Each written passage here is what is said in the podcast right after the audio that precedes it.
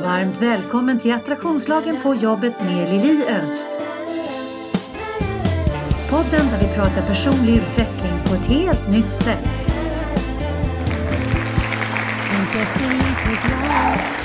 Varmt välkomna till Attraktionslagen på jobbet. Det är Lili bakom mikrofonen som vanligt. Och idag har jag via Zoom med mig Jesper Karon. Varmt välkommen Ja. Jesper. Tack så jättemycket. Superkul att få äran att vara med. Det är my pleasure, definitivt. Du, Jesper, du jobbar ju som föreläsare och du har ju specialiserat dig på humörträning. Ja, det stämmer. Och det är ju helt magiskt. Alltså det tycker jag, alltså, är det någonting vi behöver öva på så är det humörträning. Lite till mans. Typ hela tiden varje dag skulle jag ju säga. Och, och du har ju grunden i positiv psykologi. Ja, det kan man säga. Numera har jag det i alla fall. Ja, berätta, berätta hur du började föreläsa. För du, du börjar ju på ett annat spår. Både du och jag har ju en artistisk bakgrund. Men, men eh, vissa saker i ditt liv fick ju dig att tänka om och byta spår. Eh, Berätta lite grann om det. Ja, varför blir man föreläsare egentligen? Ja, men det är väl, egentligen är det ett eget sökande någonstans. Jag har alltid varit nyfiken på varför vi människor beter oss som vi gör eller varför saker blir som det blir i någon mån. Mm. Det finns ju många sådana här existentiella frågor som jag alltid haft med mig. Ja, en sån jag minns när jag gick på gymnasiet. Jag, jag känner ju att jag är en väldigt godhjärtad och bra kille men av någon anledning så var jag alltid singel. Och sen såg jag andra killar som var riktiga skitstövlar. De hade alltid förhållande. Mm. Och då funderar jag på varför är det så? Hur kommer det sig att godhet som ändå skulle jag gissa är en önskvärd egenskap i ett förhållande är så lågt aktad att, att det istället blir skidstövlarna som tar hem förhållandena. Det, det där övergick mitt förstånd. Det, det är också någonting som jag har haft med mig på radarn. Alltså det är en sån typisk fråga. Någonting som jag redan tidigt tänkte på var att eh, alltså, om, man, om man tittar på min egen uppväxt så eh, Tittar min pappa exempelvis var eh, uppvuxen som många andra i Sverige på den tiden i en lantbrukarfamilj med ganska hårda tag. Och, så så jag, jag fick ju stryk som liten och det, det kanske inte är ett bra sätt att uppfostra någon på. Men då funderar jag på hur ska jag vara som förälder? Mm. Och det är också en typ av sökande och det var ju långt innan jag själv fick barn så jag började det sökandet. Och, det har jag förstått att alla människor är inte nyfikna på det. En del Nej. bara lever på. Men jag har alltid haft det spåret med mig att jag har funderat på varför saker är som de är och hur jag kan göra för att i någon mån vara mig själv så bra jag kan. Mm. Och sen som du säger så kom det ju då, eh, jag, fick en, jag, jag, ja, jag jobbade på scenen precis som, som du och Mm. var ute och gjorde musikaler, vi låg på Svensktoppen och var med i ZTVs talangjakt. Det liksom eh, var på väg uppåt då, då fick jag en hjärtsjukdom. Så det fanns inte på kartan att fortsätta den resan och, och då blev det väldigt påtagligt just att eh, ja, från att ha haft en väldigt klar bild av hur livet skulle bli så helt plötsligt fick jag lägga allt det på hyllan och, och, och då intensifierades sökandet eh, på svar. Mm. Och det ledde till att jag blev föreläsare sen. Så jag lärde mig oerhört mycket av, av hela den här hjärtsjukdomen, hjärtoperationen och eh, som jag har haft glädje av i jobbet sen. Mm. Ibland är det väldigt spännande det där hur, hur liksom livet ger oss vägar som vi absolut inte hade tänkt att vi skulle ta men som blir så bra. Det blir precis så bra som du skulle vara. Alltså, du fick ju erfarenheter som, som du kunde översätta till någonting som inspirerar människor på ett helt annat sätt, tänker jag, än eh, sceniskt eh, liksom i, i mer artistfållan. För att jag menar, om jag tittar på det jag grundlade, i år har jag stått på scenen i 38 år, eh, som mitt yrke. Ja. Ja, det, det är många år faktiskt. Det, det är väldigt många år. Men de första 25 av dem, eh, det var ju som artist, som sångerska, som revyskådespelerska, som låtskrivare, liksom hela den biten. Och, och det var ju värde, det var ju ett värde i sig.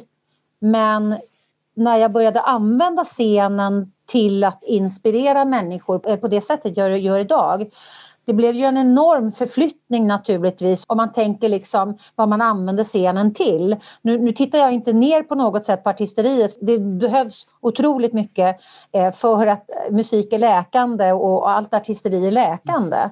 Och, och, idag mer än någonsin behöver vi ju liksom läka våra hjärtan med tanke på liksom hur, hur livet ser ut just, just nu runt om i världen. Men, men att faktiskt använda scenen till någonting eh, jag tänker att både du och jag och, och eh, Hasse Karlsson som jag också haft eh, som gäst här, vi har ju liksom artistisk bakgrund alla tre. Och man har övat på en annan scen för att stå väldigt stabil på den här scenen, tänker jag. För mig har det varit en enorm tillförsel. Hur kände du när du blev manad att byta scen? Hur, hur liksom förhöll du dig till det?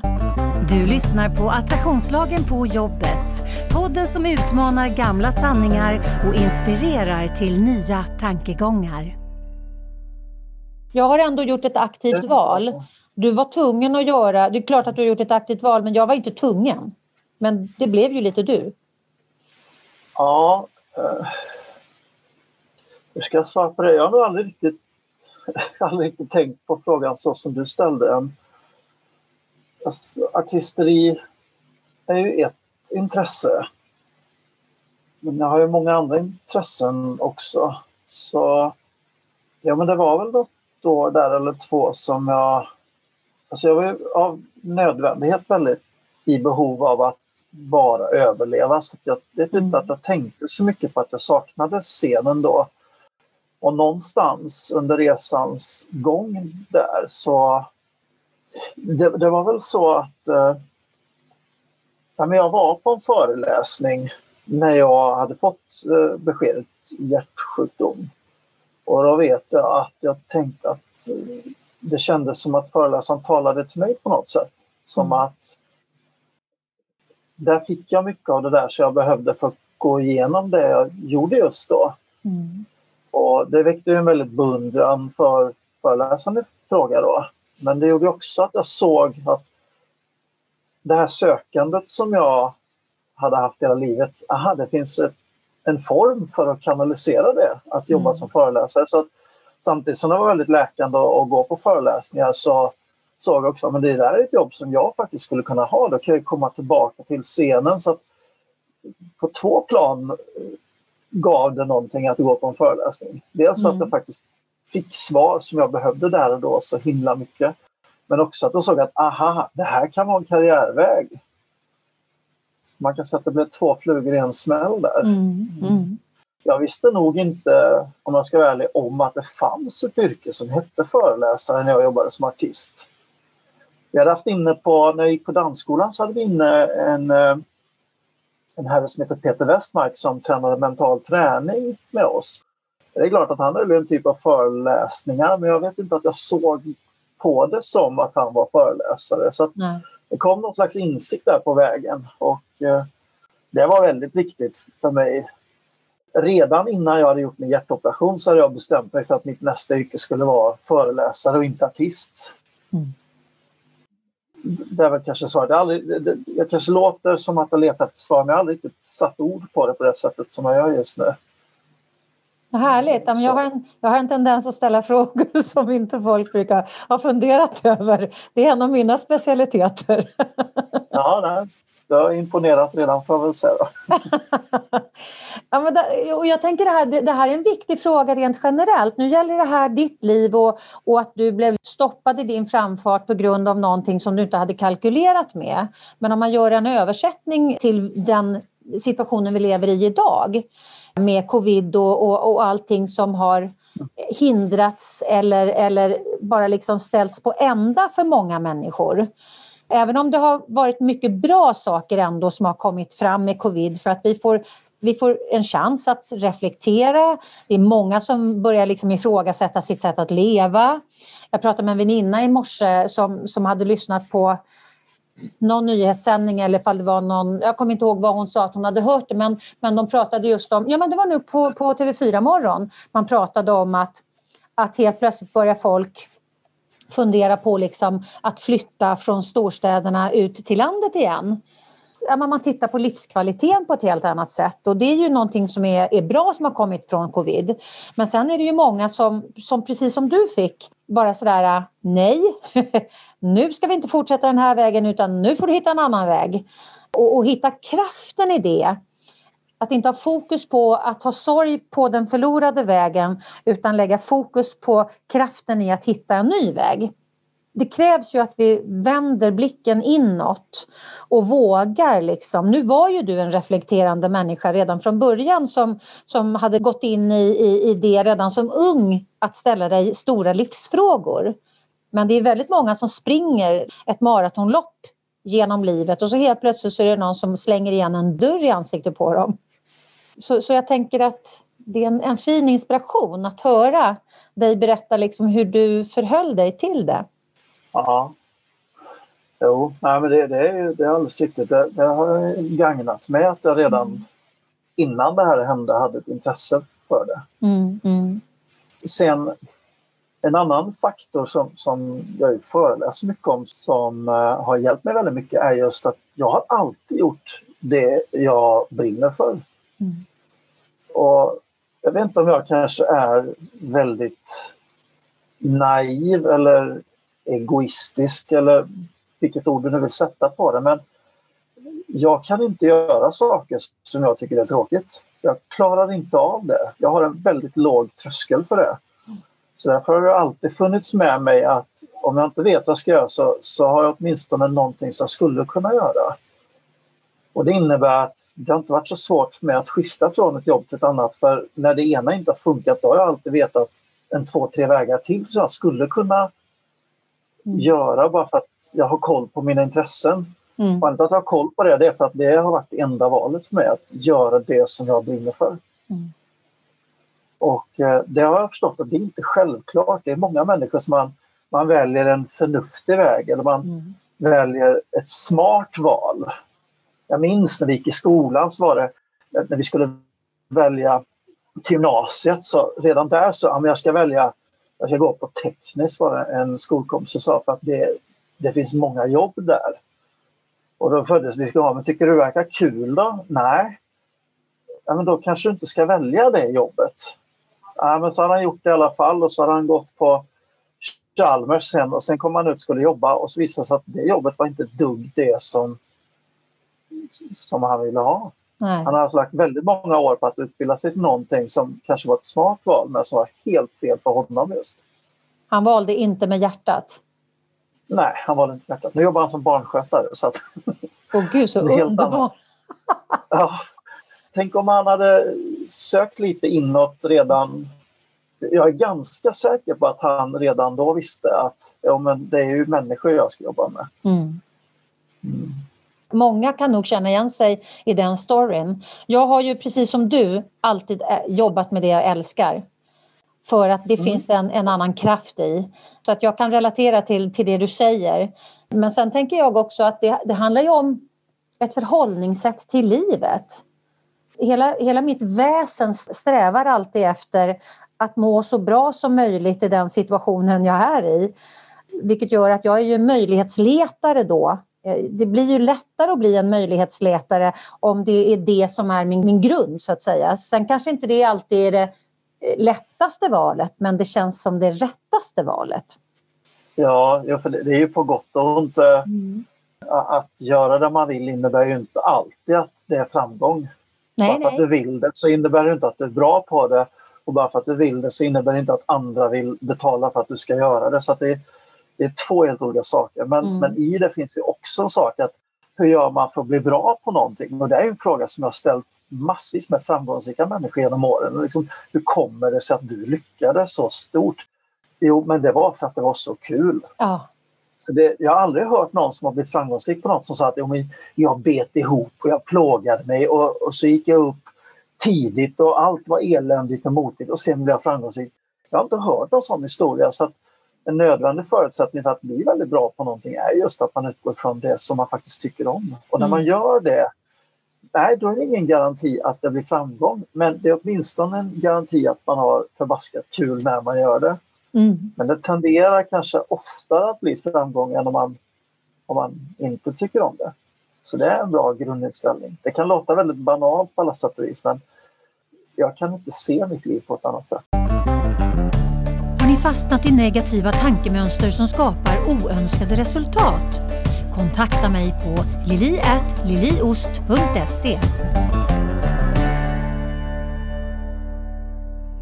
Det har varit riktigt fattiga år. Jag och min hustru när jag drog igång eh, föreläsarverksamhet, då bodde vi i en källare. Det låter kanske värre än vad det är men vi hittade en bostadsrätt i en bostadsrättsförening som bara för att dra in pengar hade byggt en lägenhet i en källare. Så, och det förstod vi att den hade inte varit så himla lätt att sälja den bostadsrätten för det var ingen som ville bo i en källare och vi tänkte liksom att det är en bostad i alla fall. Så, att, mm. så det var löjligt billigt att bo där det passade vår ekonomi då. Mm.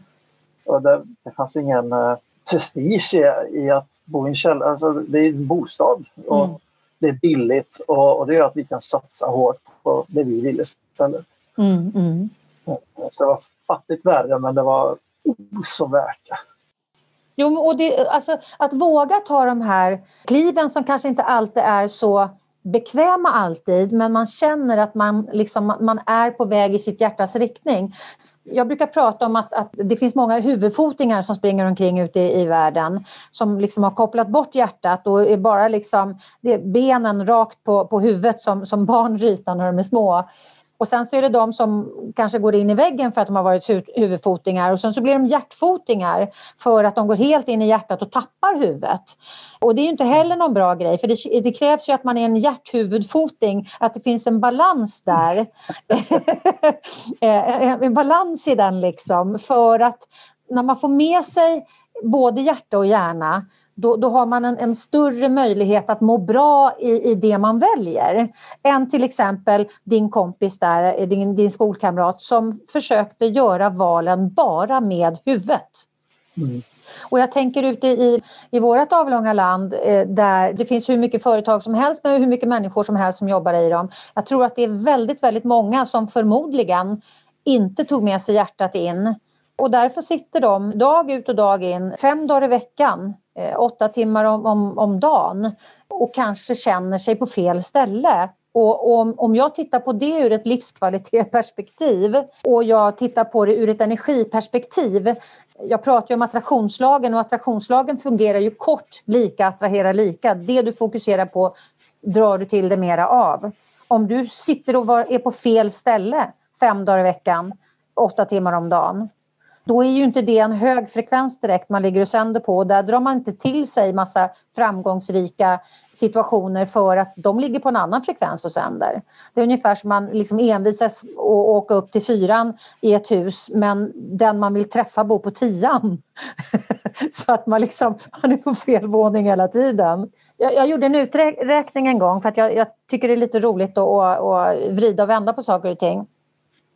Och om man då tittar på måndag till fredag är en transportsträcka till helgen, i alla fall måndag till torsdag för att fredagar kanske är lite så halvdag, det är lite så här leisure friday, det kanske är lite halvokej, man har en AV på jobbet, vad det nu kan vara för någonting. Så att fredagar är ändå liksom lite härligare och sen så har man helgen.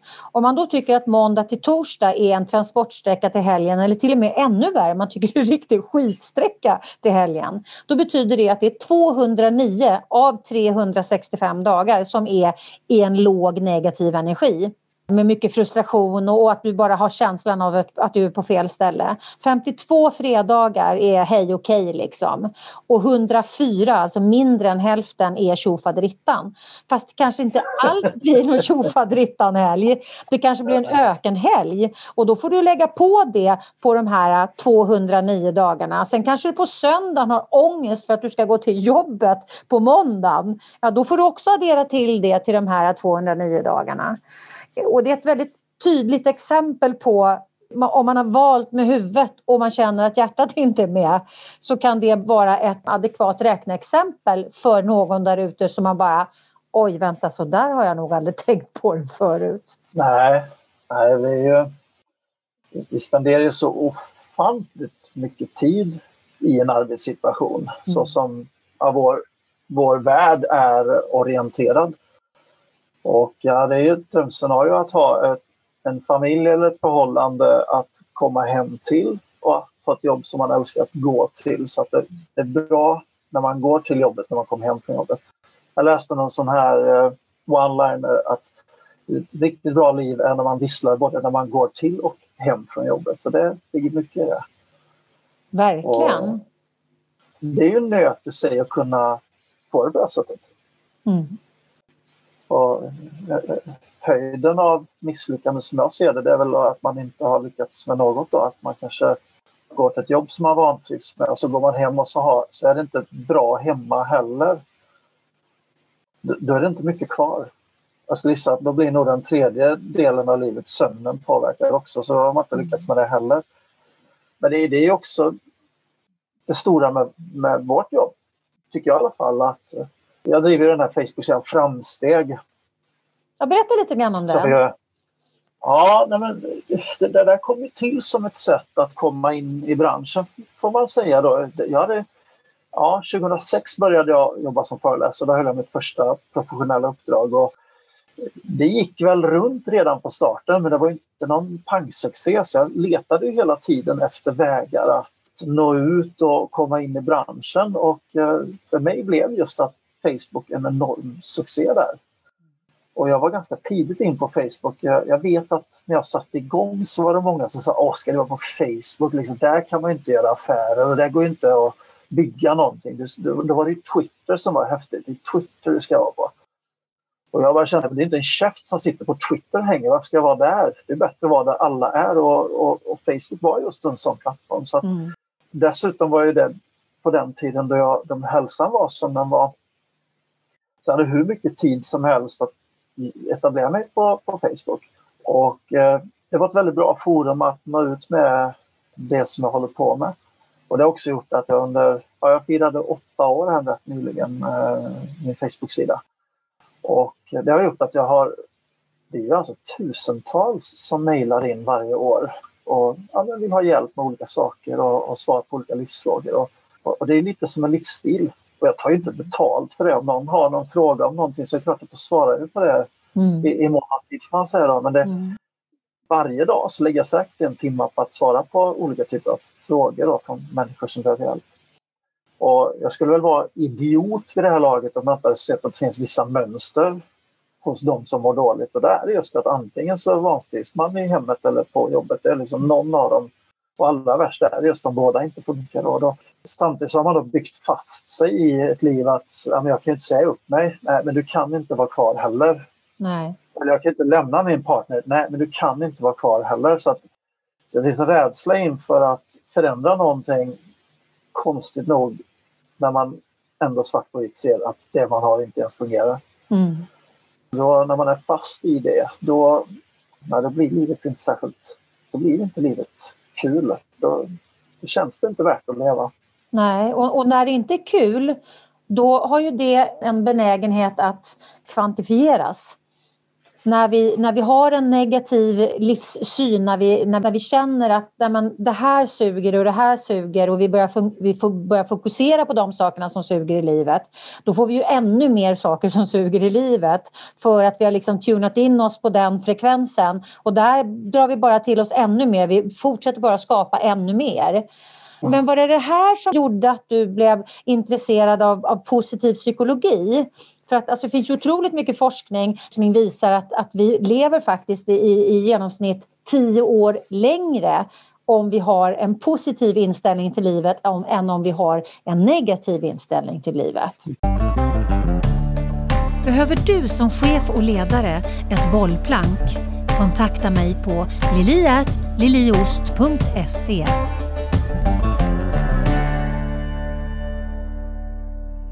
det första jag föreläste om var just mental träning mm. och eh, jag skulle säga positivt tänkande om man nu säger det lite klyschigt.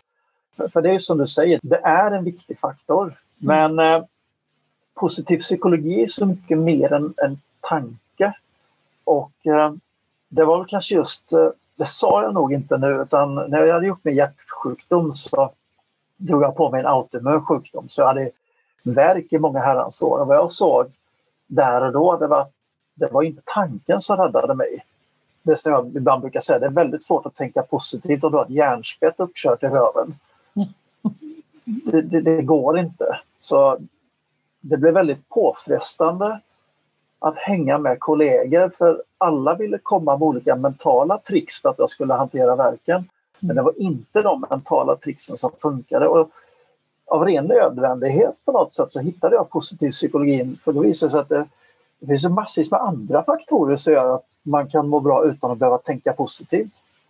Och, och, Det är väl oftast så när man behöver den där positiva tanken som mest, det är då man kan applicera den som minst. Och då finns det andra vägar att starta upp livet som gör att, att man kan få samma utdelning och det fångade mitt intresse. Mm. Och, och, när du pratar attraktionslagen på jobbet, jo men det är klart att ibland så snöar en arbetsgrupp bara in och blir allmänt negativa mot varandra och då behöver man gå in och ruska om dem så man får igång en energi. Men ibland är ju arbetsplatsen felbyggd också. Det vill säga att den tar inte hänsyn till eh, de behov vi har eller de förutsättningar som finns. Och sitter det en chef som kanske inte förstår psykologi det är klart att då smittar det av sig på hela arbetslaget. Mm. Ibland projicerar vi våra egna känslor på andra. Om chefen själv kanske är en bitter stofil hemma och så märker han att folk har trevligt, då kommer han eller hon göra allt för att de inte ska ha trevligt, för det matchar mm. inte den, det, det sinnelaget som han eller hon har då. Nej. Och, ja, för mig var det väldigt skönt att se att det fanns fler vägar att må bra än att bara tänka rätt. Och det har jag förstått nu när jag har snöat in på positiv psykologi så länge så att när, när, när folk går in och talar om tankar, då inser jag att oj, det var jättelänge som jag ens talade om, om tankar. Så, så jag har lite glömt av det i min karriär. Eh, humörträning handlar väldigt lite om att vi ska tänka i rätt banor. Det handlar desto mer om vilka aktiviteter vi kan vidta och hur vi kan styra in vårt liv så att vi mår bra utan att behöva tänka på det. Ge ett exempel. Antal... Och det här är ju lite olika skolor.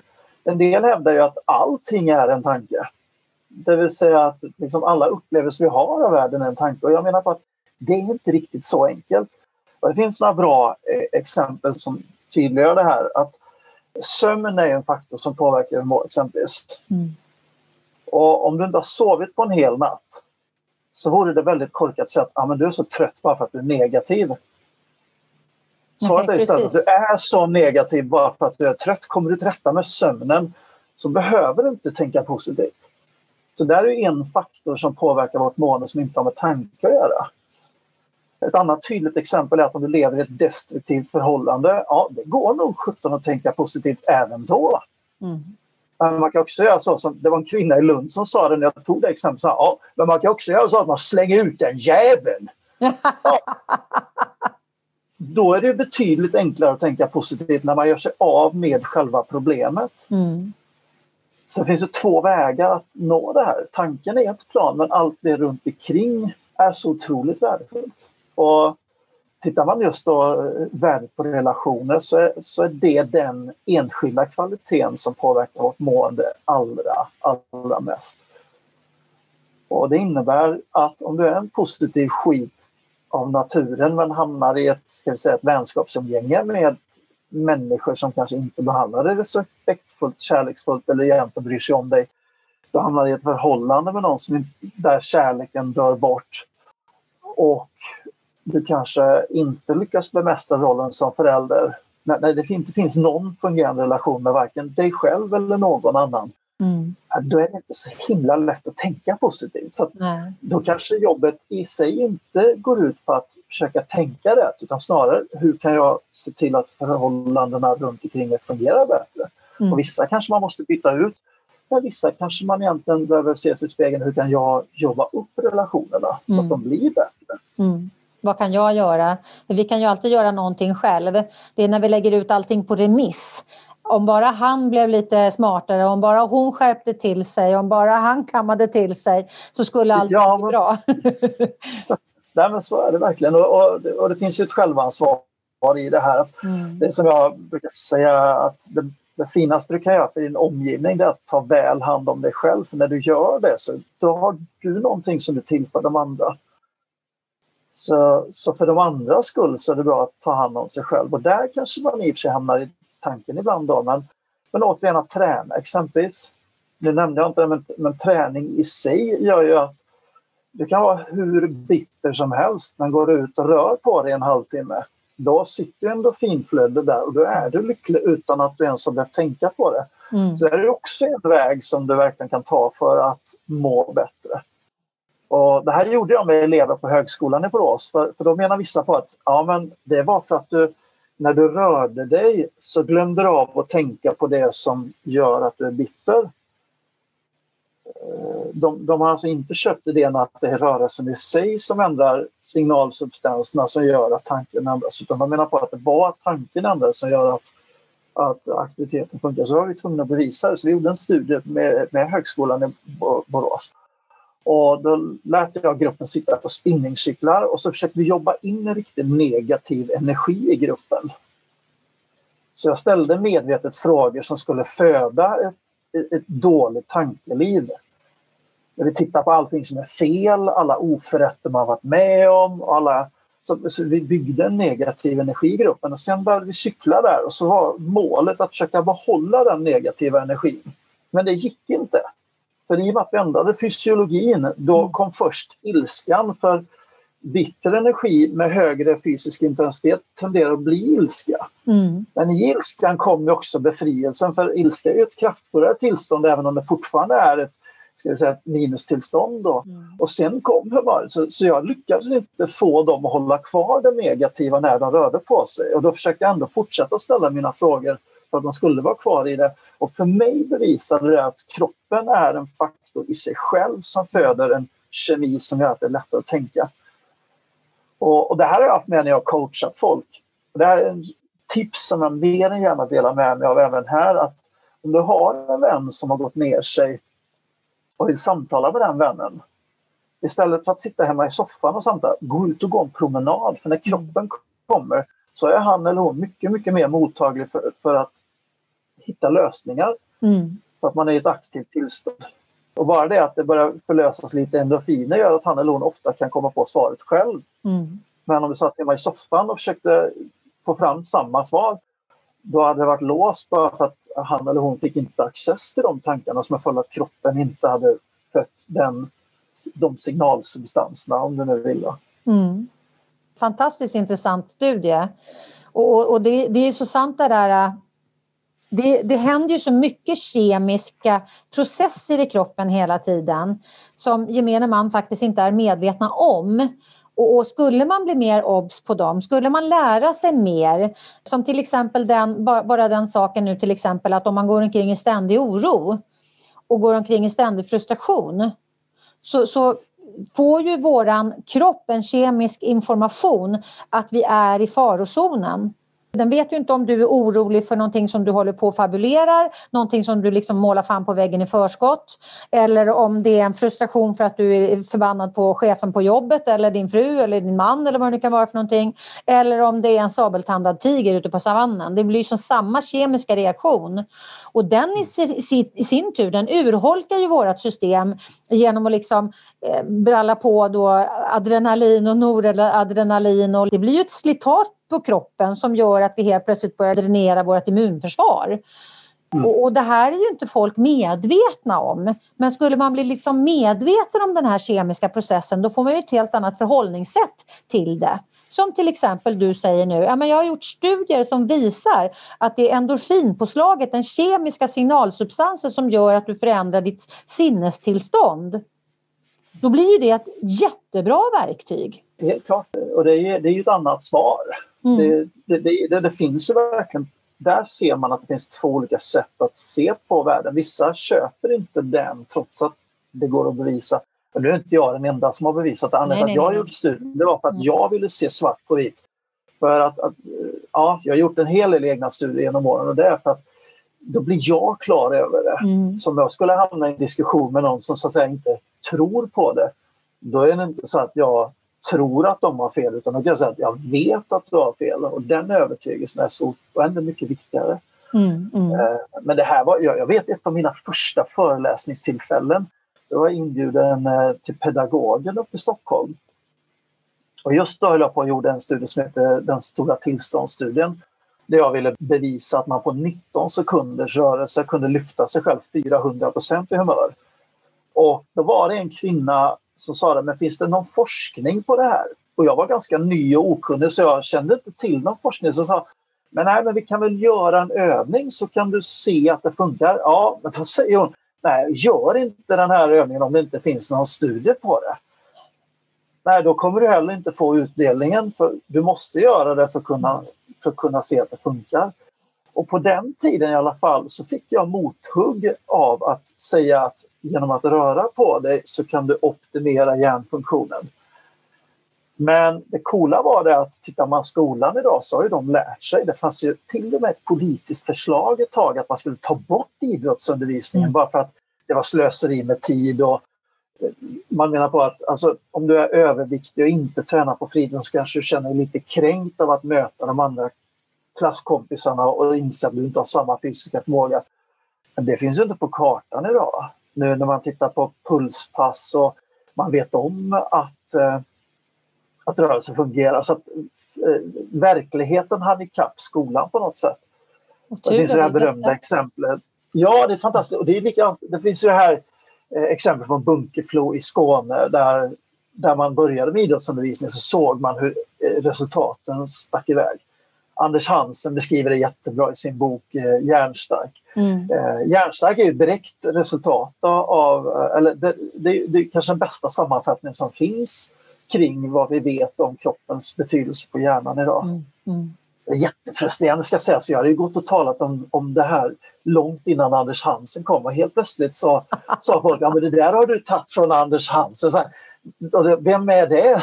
Ja, precis. Eh, men han är jätteförlåten för att han, han skrev en väldigt bra bok som summerar de tankarna.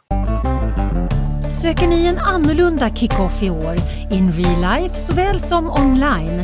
Kontakta mig på lili.liliost.se.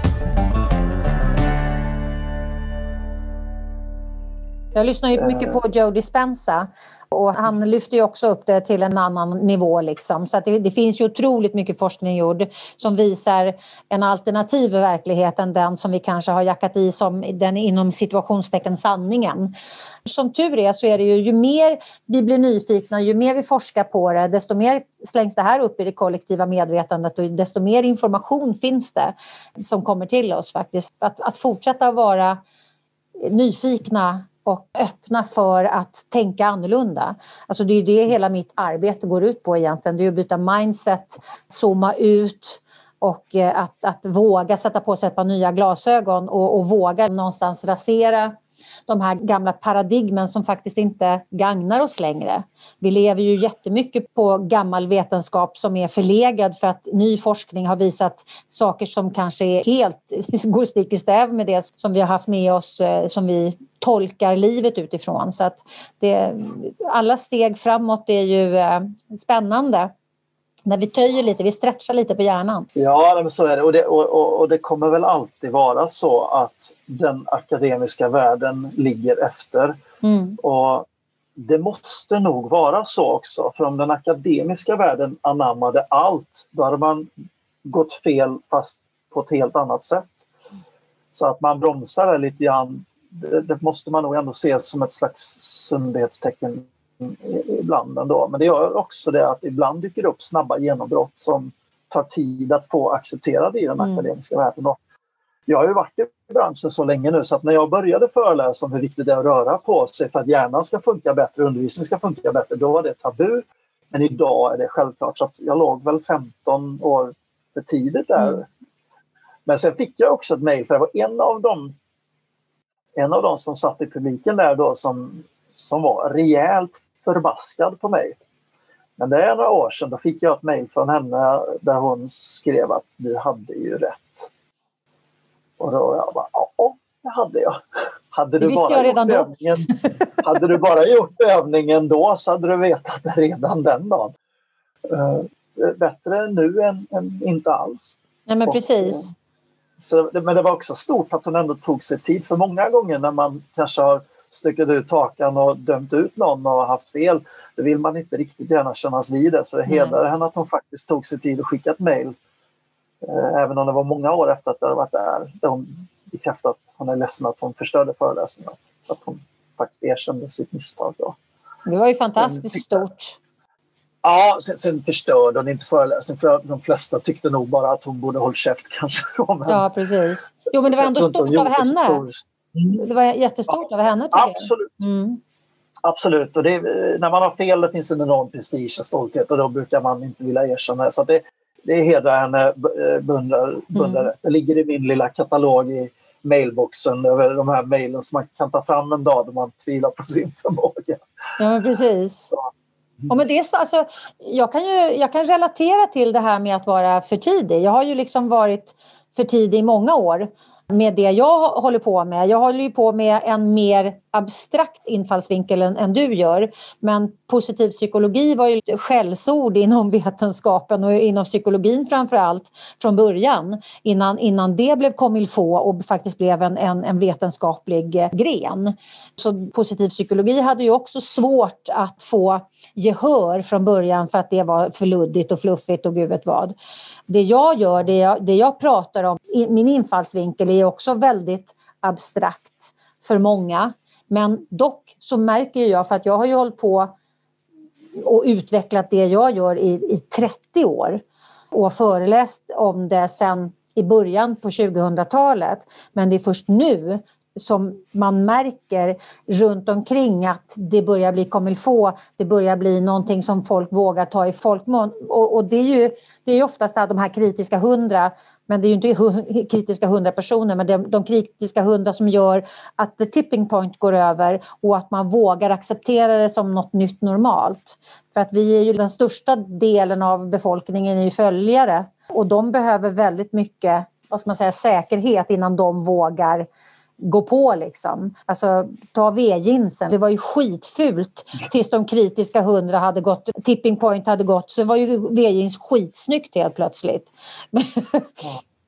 det är rätt ja. intressant faktiskt.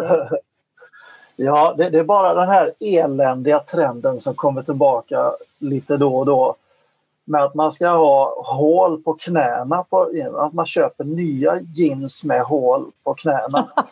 Den trenden har ju kommit precis så många gånger som helst. Jag har aldrig förstått den. Att man köper trasiga jeans och min dotter tycker att jag är så gammal när jag säger det för att det är så häftigt. Skitdyra hål! ja, och samtidigt har jag ju varit med så länge nu så jag vet att nästa år kanske hon också tycker det är töntigt med trasiga jeans. och då, då, ska jag påminna henne om vad hon sa för ett år sedan. Ja, herre Jesus. Ja, utvecklingen går i cykler. Ja. Den saken är säker. Det, och det är ju spännande det här med trender och, och det, jag, jag, är inte odelat positiv kring sociala medier och alltså tittar man dagens samhälle hur, hur vilse man kan gå bara för att människor tycker en sak. Mm. Så folk som tycker saker på Facebook och sociala medier borde kanske vara borde kanske tänka några sekunder innan man trycker på publicera många mm. gånger. Och eh, ja, det är lite av ett problem anser jag. Och inte bara sociala medier utan överhuvudtaget så är det många som borde räkna till tio innan man trycker på sänd. Eh, även om det handlar om liksom vad din mun öppnar sig och säger till någon eller vad du, vad du klickar ner. Liksom. Eh, även om det är enklare att gömma sig bakom massa saker när du inte frontar en människa och säger det rakt i ögonen på dem. Nej, vi måste skilja på hur en sak är och hur man känner att det är. För det är inte alltid samma sak. Nej, nej, nej. nej. Och det är som de här berömda fyra kvaliteterna av livsföring. En, en modell som jag fullständigt älskar. Och eh, jag vet inte om vi kan hinna ta den modellen. Men det är vi hinner här... ta den modellen. Det blir ja. en jättebra sätt att, att sy ihop ja. påsen med. Mm. Nej, för, för, för, många gånger eh, i sociala medier så, så kan man läsa ett påstående som någon backar upp med att jag känner väldigt tydligt att det är på det här sättet. Mm. Och, men då vet man att det finns ju både statistik och forskning som säger att men du känner fel. Alltså det, det kanske känns helt rätt men du har fel. Men, men idag är det många gånger så, så kan en känsla man har vara synonym för att ja, okej, då är det sant. Mm. Men så är det ju inte nödvändigtvis. Att den är jobbig att behöva ta många gånger. Mm. Ja, men Men ska vi ta den här modellen då? Ja, men ta, ta modellen, absolut. Ja. Ja, för, för ja, det är där jag... Om man vill ha en, ett sätt för men hur ska jag göra nu för att liksom ta mitt liv rätt? Då, då gör man klokt att titta på de här fyra kvaliteterna. För finns den lägsta formen av livsföring det är någonting att man gör någonting som känns fel och som dessutom är fel. Där vill man ju hemskt inte hamna särskilt ofta. Nej. Men ibland har man ju gjort det kanske. Alltså när man skarvar med sanningen exempelvis så vet man att nu, nu gör jag illa någon som betyder mycket för mig. Det känns inte dugg bra. Och det är inte heller bra. Men man gör det kanske ändå av nödvändighet eller för att man inte där och då upplever att man har något val. Och det är ingen gång man känner sig så låg som människorna när man sjunker ner till den nivån. Men den människa som aldrig gjort det, den finns inte. Så det är lite bättre då om man kan, kan öka upp till nivå två. Där det känns bra. Men det är inte bra. Då har du åtminstone fått med dig känslan i det. Det Mm. känns ju i alla fall bra. Det, det är inte bra för dig. Men det känns bra, så det är ändå lite bättre. Mm, mm. Och äh, bästa exempel jag kom på här och nu det är väl att ta droger. Det, jag har aldrig tagit droger, narkotiska droger äh, på något sätt. Men jag skulle gissa att det känns väldigt bra. Men det är ju fuska, det är ju inte bra för oss. Så, eller att äh, äta bort sin ångest. Mm. Det, det funkar, det känns ju bra för stunden men någonstans vet jag med sig att man, det finns kanske ett självarbete att göra. Jag kanske inte vet vad jag ska göra. Så alla de här typer av skarvningarna som vi gör där, det känns bra men det är inte bra för oss. Mm. Jag har en sägning, och det är första gången jag delar med mig av den här. Att, vet, när, du mår, när du mår bra så behöver du inte ta droger. Och när du mår dåligt, då ska du inte ta droger. Mm. Det är liksom inte konstigare än så. Nej, väldigt tydligt. Men, men, men säg den som inte någon gång har varit i ett humör som gör att man går och tröstäter eller belöningsäter eller Mm. vet att man borde ringa det där samtalet men istället går man och ser en tv-serie eller vad det nu är man gör för att bara fly ifrån det som man egentligen borde göra. Och haken är just att det känns väldigt bra att göra det för då behöver du inte hantera det som du egentligen ska göra. Mm, mm. Prenumerera gärna på min Youtube-kanal Attraktionslagen 2.0 så att du inte missar några uppdateringar.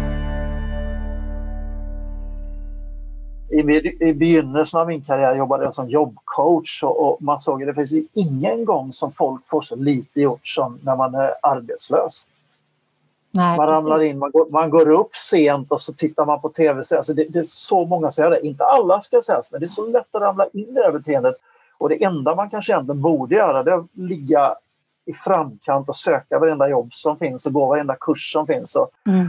Och, och, och träna och hålla efter sig så man verkligen optimerar sin kapacitet när man väl ska in på arbetsmarknaden. Det är det enda man inte gör. Mm, mm. Jag skulle gissa att det är nivå 3-handling. Då. Det känns väldigt bra alla de här flyktmekanismerna gör men det är inte bra för inget av det kommer leda till det som man egentligen vill ha, just ett arbete. Då. Mm. Så ännu hellre är ju då att vi kan avancera upp till nivå 2. Och det är saker som de känns inte särskilt bra. Men de är bra för oss. Och det här är de jobbiga bitarna i livet. De här karaktärsdanande handlingarna. Mm. Självdisciplinsgrejerna. Ja, det krävs självdisciplin för att Mm. göra det här. Och det, det, är som en del, alltså jag älskar ju att träna. Eh, och jag gör det bara för att jag mår så bra. Jag behöver aldrig riktigt... Det finns egentligen inte ett träningspass som är svårt för mig att ta. Sen är de istället olika grad av roliga. Men en del människor om jag säger att du ska börja träna, då, då, de suckar himla- att nej, alltså det verkar skitjobbigt.